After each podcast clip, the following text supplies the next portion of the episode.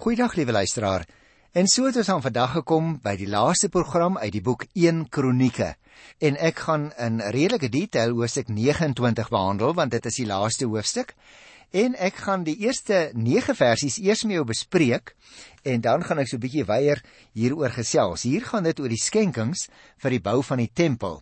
Nou wil ek net vir jou herinner daaraan aan die een kant staan die projek wat aangepak moet word Dis 'n baie groot werk, nê? Dis 'n paleis wat vir die Here gebou moet word. Aan die ander kant staan die mense wat dit moet doen hier op die verhoog in 1 Kronieke 29. So Salomo is hulle maar swak, hulle is bang om die Here se werk te doen. Maar hierdie mense durf dit waag om vir God te werk. Dawid stel die voorbeeld wanneer hy vir die bou van God se huis bymekaar gemaak het en alles nou kan oorgee aan Salomo. Hy gaan is as dit ware tot op die grens van sy eie moontlikheid en hy bring met alles in sy vermoë die boumateriaal vir die tempel bymekaar. Deur sy voorbeeld word die volk beweeg om dieselfde te doen. Met gewilligheid bring die leiers van die volk ook dit wat hulle het vir die bou van die tempel. Alhoewel nie een van hulle afsonderlik kan ewenaar wat Dawid self as koning geskenk het nie is dit alles saam as jy dit bymekaar sit 'n geweldige skat wat saamgevoeg word.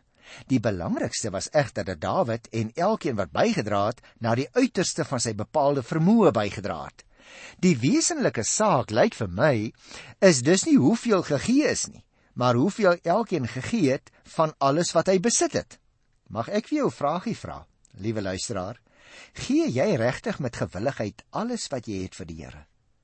Of dit nou in menslike terme klein of groot is, baie of min is, is dit regtig jou persoonlike alles? Is dit wat jy werklik aan die Here kan gee van jou tyd, jou geld, jou liefde, jou respek, jou gehoorsaamheid? Kom ons kyk na 'n paar van hierdie versies, hoofstuk 29 vers 1. Koning Dawid het die hele vergadering soos volg toegespreek: My seun Salomo, die een wat deur God gekies is, is jonk en sag, maar die werk is groot. Hierdie paleis is nie vir 'n mens bedoel nie, maar vir God, die Here. En dan sê hy in vers 2 tot 4: Met alles in my vermoë het ek vir die huis van my God materiaal gereed gebring. Goud vir die goudwerk, silwer vir die silwerwerk, brons vir die bronswerk, yster vir die ysterwerk, hout vir die houtwerk. En dan gaan Dawid so aan hy noem al hierdie goed om daarmee te sê die beste waartoe ek in staat was dit het ek vir die Here gebring. Maar luister nou na vers 9 die volk was bly oor hulle gewilligheid want hulle het die vrywillige gawes aan die Here met hulle hele hart gegee. Koning Dawid was ook baie bly. Jy sien ten spyte van al die besonderhede wat 'n mens kry in die verse tussenin, is die volk bly dat hulle die voorreg kon gehad het om te gee want hier staan want hulle het die vrywillige gawes aan die Here met hulle hele hart gegee. Daarom het ek jou net nou gevra hoe lê jou en my offervaardigheid? Is ons regtig besig om die beste van alles wat ons het en is vir die Here te gee? Hier word die klem gelê op die gewilligheid en die vrywilligheid waarmee hulle gegee het. Jy kan gerus ook kyk in vers 5 en vers 6 en vers 17 dan sal jy dit soos 'n goue draad deur die hoofse kry. Jy sien, liewe luisteraar, deur te gee het hulle nie verloor nie, maar gewen. Want daar het blydskap in hulle lewens gekom en lewensblyheid, luisteraar, dit kan nie gekoop word nie. Dit is 'n geskenk van God wat 'n mens in alle omstandighede bybly. Wie die blydskap ondervind wat die diens van God en die offergawe aan hom in 'n mens se lewe bring, daardie mens verloor daai soort blydskap nooit weer nie. En daarom het ek gesê, wil ek nou so bietjie afwyk net van die teks en wil ek weer 'n keertjie, ek het dit lanklaas gedoen, vir jou so gedagte prentjie uh teken en vra dat jy dit saam met my sal teken want liewe luisteraar as daar een dag uit die Ou Testament was dat ek graag in Jerusalem op die Olyfberg sou wou gestaan het om te kyk wat daar gebeur, dan is dit die dag waarvan ons hier lees in 1 Kronieke hoofstuk 29. Die vorige hoofstuk 28 sal jy nog onthou in die verlede pro vorige program vertel dat koning Dawid al die gesagsdraers van Israel laat bymekaar kom het vir 'n groot volksvergadering. Vir dae lank al stroom die volk in honderdduisende Jerusalem toe. Jy sien as dit ware voor jou geestes oog hoe hulle soos mure aankom oor die heuwe land van Judea. Hulle stap deur die sonskyn. Elkeen jaag sy paar skapies aan, die allerbeste diere sonder gebrek uit elke stoetery, die dankoffers wat sommer ook saamgebring word vir die Here se werk. In hierdie geval vir die bou van die tempel. Oupas en oumas en families en vriende, ouers en kinders, kinders wat speel en lag en dans en hardloop langs die pad, almal uitbundige vreugde, hulle kom na Jerusalem toe. En uiteindelik en uiteindelik word almal saamgetregter in die Kedronvallei. Verby die Dawidstad stap hulle teen die oorkantse heuwel aan jou voete. Daar gaan hulle uit. Jare van voorbereiding vir die bou van die tempel is verby vir hulle almal. Uiteindelik het die tyd gekom om hulle offers te bring. En daarom is die saalsakke van hulle kamele ook nog vol van vreugde en van dankbaarheid, blydskap en verwagting. Dit spreek uit alles wat hulle saambring vir oulaas. Party vir die eerste keer sien hulle die Dawidstad. Hulle het maar gewerk op die platte land. Maar nou die koning die mense saamgeroep en hy's besig om afskeid te neem en hulle bring vir laaste vir oulaas die laaste goedjies wat hulle bymekaar gemaak het. En tog tog is hulle oosterse harte ook swaar in hulle binneste want hulle het boonop ook gekom vir die laaste volksvergadering saam met hulle geliefde koning Dawid. Uiteindelik verskyn die koning, 'n ou man met vaal oë. Kan jy hom sien luisteraar? Hy loop verby die duisende bulle en die ramme wat hulle gebring het. Verby die waafvragte koring en olyfolie. Verby die 103 ton goud uit Ofer wat uit sy eie skatkamers gehaal is, lees 'n mens in hierdie hoofstuk. Verby die 240 ton silwer wat hy self gee, behalwe die wat die volk ook nog gegee het. Want jy sien, aan die einde van die volksvergadering is daar nog een taak wat vir hom oorgebly het. Wanneer hy gaan staan, vee hulle die trane van hulle wange af en verdruk hulle mekaar om te luister na wat Dawid gaan sê hierdie man in wie se een enkele leeftyd hulle volk verhef is tot die lydende moondheid in die ou nabye ooste. 'n legende in sy eie tyd. En daarom wanneer die koning sy volk tot sweye roep en sy hande uitstrek dan luister hulle soos nog nooit tevore nie. Wat gaan hy tog sê? En nou wil ek verder kyk hier van die 10de vers af want ek het nog net 9 verse behandel luisteraars. Want skielik staan die koning leeghand Skielik word die koning 'n bedelaar van vers 10 af. Skielik is daar nie meer in sy oog plek vir die offers nie, maar laat hy sy oog vol word van God. Luister na vers 10a. Die koning lei 'n lofprysingsbyeenkoms om vir God dankie te sê. Hier staan Dawid het 'n lofprysing aan die Here in teenwoordigheid van die hele vergadering uitgespreek. En nou kom ons by daardie lofprysing. Mens kry dit hier by vers 10b tot 14. Ek wil dit graag vir jou lees. Want jy sien in hierdie paar verse loof Dawid die Here vir sy eie geskiedenis, vir sy grootheid, vir die heerskappy. Hy's besig om in sy lofprysing te sê God is die een aan wie die koningskap en die hoofskap eintlik behoort. Dit is nie ek of my volk wat groot is nie, Here, dit is U. Luister. Geloof sy U Here, God van ons voorvader Dawid, van ewigheid tot ewigheid. Die grootheid, Here, die krag, die glans, die roem en die majesteit behoort aan U. Ja, alles in die in die hemel en op die aarde. Aan U, Here, alleen behoort die heerskappy. U is bo almal verhef. Van U kom rykdom en eer. U heers oor alles. Mag en krag word deur U geskenk en dit berus by u om enige iemand groot en sterk te maak. En nou loof ons u ons God. Ons prys u glansryke naam. U sien liewe luisteraar hy bring al die eer aan die einde van sy lewe voor al sy mense aan God. En as ons nou kyk na vers 14 tot 16 gaan dit nou nou lees dan moet jy oplet.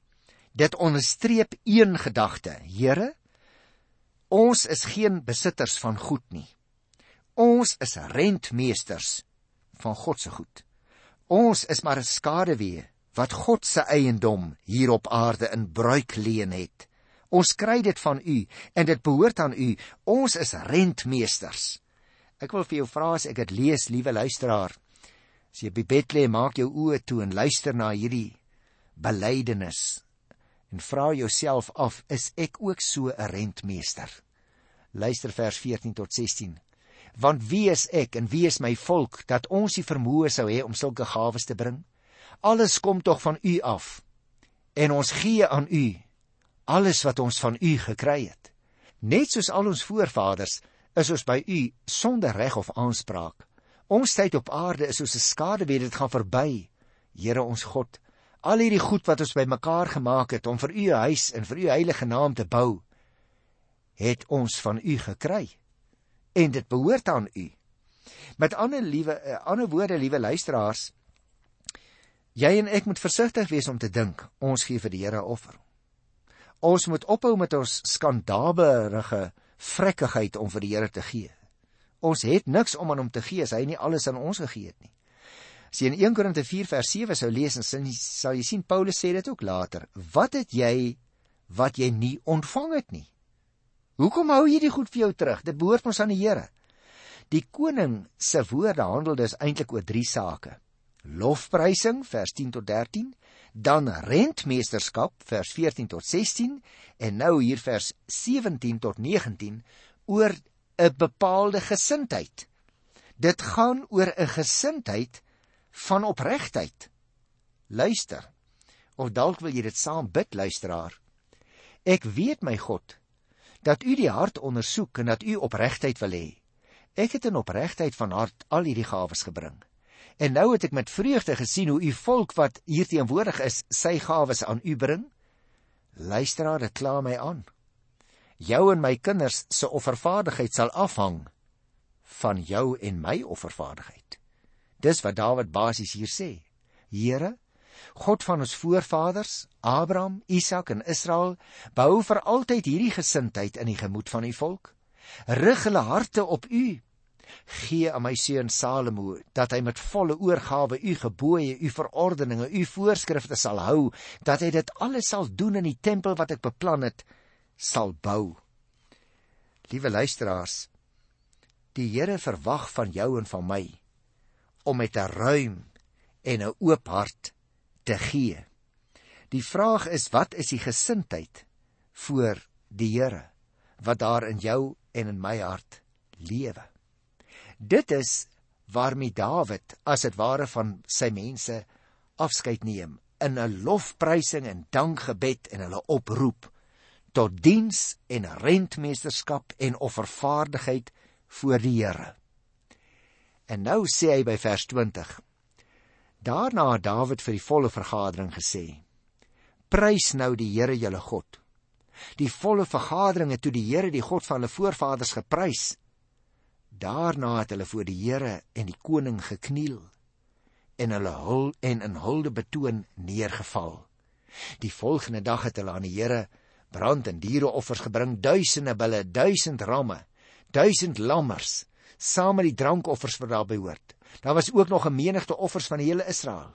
Hulle die hele dag met uitbundige vreugde geëet en gedrink voor die Here. Vir die tweede keer het hulle ook vir Salomo die seun van Dawid tot koning verklaar. Hulle het hom voor die Here tot koning gesalf en versadig die priester. Salomo het sy plek ingeneem op die troon van die Here as die koning in die plek van sy pa. Salomo was voorspoedig.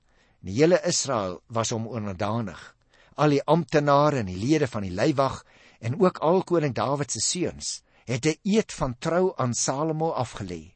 Die Here het Salomo hoë aansien in die oë van die hele Israel laat geniet en hom 'n koninklike verhewenheid geskenk wat nie een van die Israelitiese konings voor hom gehad het nie. En dan luisteraar sluit die kroniekskrywer of skrywers hulle boek af met 'n paar slotopmerkings waarin hulle dan 'n baie kort oorsig gee van koning Dawid se regering. En daarom wil ek ook graag daarmee afsluit. Uh want dit gee vir ons 'n baie saaklike oorsig. Ek gaan dit eers lees, dan kan ons so 'n bietjie daaroor gesels as ons nog tyd het.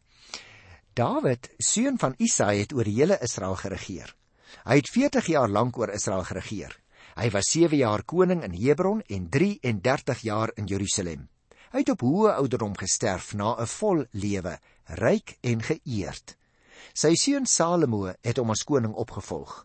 Die geskiedenis van koning Dawid van begin tot einde is opgeteken in die geskrifte van die siener Samuel, die van die profeet Nathan en die van die siener Gad.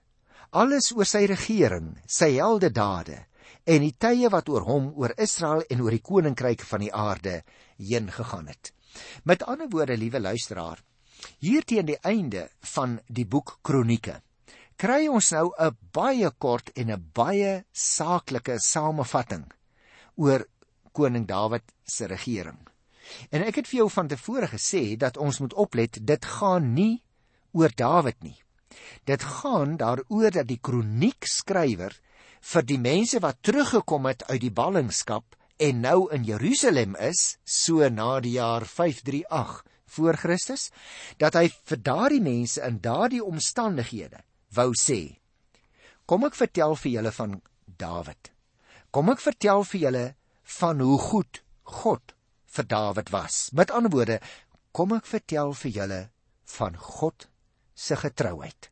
En dit is waaroor dit gaan in die uh, boek 1 Kronieke.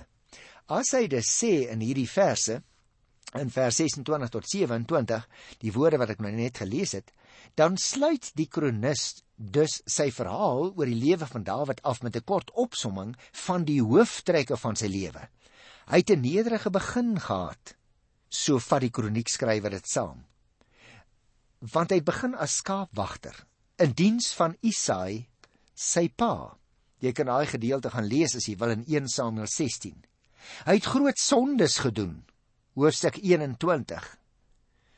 En ook in 2 Samuel hoofstuk 11, daardie ontrou met Batsaba en die moord op haar man Uria. Maar, so sê die kroniekskrywer, koning Dawid het homself in diepe berou daaroor aan die genade van God uitgelewer. En daardie verhaal kry mens ook in 2 Samuel 12 van die 3de vers af. Daarom, liewe luisteraar, verskil hierdie opsomming in 'n sekere sin van die regering van Dawid van die van Salomo aan die einde van sy lewe. Nou jy kan gaan kyk na daardie opsomming as jy wil in 2 Kronieke 9 vers 29 tot 30, maar ek gaan by die volgende program begin uh met 2 Kronieke. So ek wil nie nou daaroor iets sê nie. So as jy mense nou kyk hierso by die uh, 28ste versie, dan kry ons daar ook die interessante opmerking van die kronikus. Dawid het op hoë ouderdom gesterf na 'n vol lewe, ryk en geëerd. Sy seun Salomo het hom as koning opgevolg. Nou moet jy mooi oplet van Dawid, sê die kronikus dus nou dat hy in sy lewe alles van die Here gekry het wat die mens van die ou verbond maar kon begeer het om te hê. Hy het op hoë ouderdom gesterf en daardie tyd was dit 'n teken van seën van die Here na 'n vol lewe.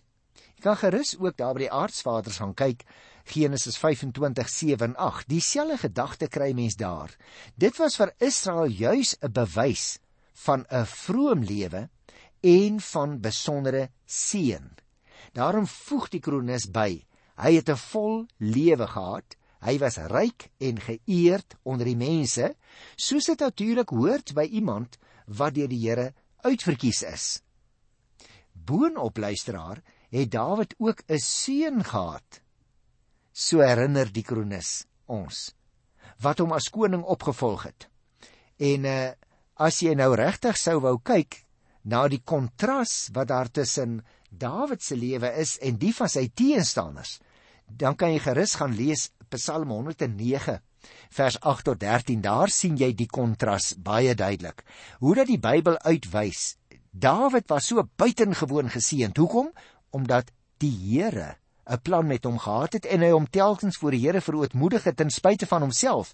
Maar sê die uh, psalmis in Psalm 109 Dit was so 'n opvallende verskil dat daar tussen Dawid wat deur die Here geseën is, 'n wêreldse verskil was met die teenstanders en die ander konings.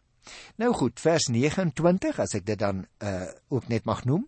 Die geskiedenis, so staan dit nou hier, die geskiedenis van koning Dawid van begin tot einde is opgeteken in die geskrifte van die siener Samuel, die van die profeet Nathan en die van die siener Gad. Nou dit is interessant, uh liewe luisteraar, want hier word bronne vir ons genoem wat nie aan ons bekend is nie. So as jy miskien nou sou vra, maar kan ek in die apokriewe geskrifte gaan kyk vir hierdie drie bronne? Die geskiedenis van koning Dawid uh gaan naslaan in die profeet Nathan se boek of die sienergat, dan wil ek vir jou sê nee, uh jy kan dit nie gaan naslaan nie. Ons het dit nie. So die bronne wat hier genoem word, is vir ons verlore, maar nou natuurlik uit die aard van die saak op die stadium toe die kronikus geskryf het, was die bronne nog beskikbaar. Daarom sê hy, julle kan gaan lees mense in daardie bronne. Nou ek wens ons het die bronne gehad, maar ons het dit nou nie meer nie en ons het dit ook nie nodig nie want alles wat ons nodig het om te weet vir ons saligheid staan in die Here se woord. En dan wil ek graag afsluit met die 30ste versie. Alle dit handel alles oor sy regering, sy heldedade en die tye wat oor hom oor Israel en oor die koninkryke van die aarde heen gegaan het. Jy sien, liewe luisteraars, hierdie laaste versie van 1 Kronieke hier by die 29ste hoofstuk plaas die bondsvolk in die middelpunt van die geskiedenis. Die geskiedenis van Israel en van die messiaanse geslag van Dawid is inderdaad bepalend, so staan dit hier, vir al die koninkryke van die aarde. Die boek, met ander woorde, wat met Adam van die ou verbond begin het, eindig met 'n sinspeling op die nuwe Adam. Jy onthou, so word die Here Jesus genoem in Romeine 5 vers 14 en ook daar in 1 eh, Korintiërs 15 en by vers 24 en vers 45. Want Jesus is die seun van Dawid wat verwag is en wat in die Nuwe Testament aangekondig word as ons Matteus begin lees. Met ander woorde, in Dawid se lewe en nageslag is die belofte aan Abraham vervul. Waar kry mens daardie belofte van Abraham? Jy sal dit baie goed onthou in Genesis 12 vers 3. Waar die Here so rondom die jaar 1850 voor Christus toe Abraham gelewe het, steek die Here sy hand as dit ware in die geskiedenis in. Hy praat met 'n man wat hom glad nie geken het nie, wat hom glad nie gedien het nie, hierdie Abraham, en hy roep Abraham en hy sê vir hom: "Abraham, ek gee vir jou twee groot beloftes. Ek gee vir jou 'n belofte van 'n land en ek gee vir jou 'n belofte van 'n nageslag, ontelbaar soos die sterre aan die hemel."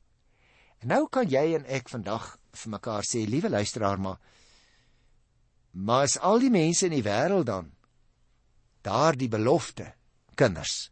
As jy Paulus gaan lees by Romeine, dan sal jy sien dat eh uh, Paulus daar sê en jy kry dit ook in Galasiërs by die 4de hoofstuk van vers 19 af tot by eh uh, Galasiërs 5 vers 1 hoe dat Paulus uitspel Jode is nie outomaties kinders van die belofte nie. Hulle het kinders van die belofte gebly totdat hulle die Messias verwerp het. Maar met die koms van die Here Jesus het die beloftes wat aan Abraham gegee is en waarna hier nou verwys word, dat daardie beloftes waar geword het uiteindelik deurdat mense uit alle tale en volke en groepe die Here Jesus aanneem En daardie mense wat in die Here Jesus begin glo en hom aanneem, hulle is die eintlike nageslag van die beloftes aan Abraham. Nou hoekom is dit vir ons belangrik om dit te verstaan? Omdat die kroniek skrywer die lyne wil deurtrek om te sê God bly getrou aan sy beloftes. En daarom julle mense in die ballingskap, julle moet dit weet, God was al die pad getrou Hy het al sy beloftes aan Dawid gehou en daarom kan jy weet dit sal in die toekoms ook so wees. Die Here sal sy woord hou. En vir jou en vir my is Nuwe Testamentiese gelowige, ah broer en suster, die lyn loop deur. Ons kan dit alleen wees omdat God sy beloftes hou. Die Natans belofte in 2 Samuel 7 het uitgeloop op Christus en jy en ek as Christus gelowiges is uit genade die resultaat van God se trou. Dit was my voorreg om jou te kon gesels oor 1 Kronieke. Bid vir ons program, nooi mense om in te skakel en so die Here wil, praat ons dan volgende keer oor 2 Kronieke. Tot dan, totiens.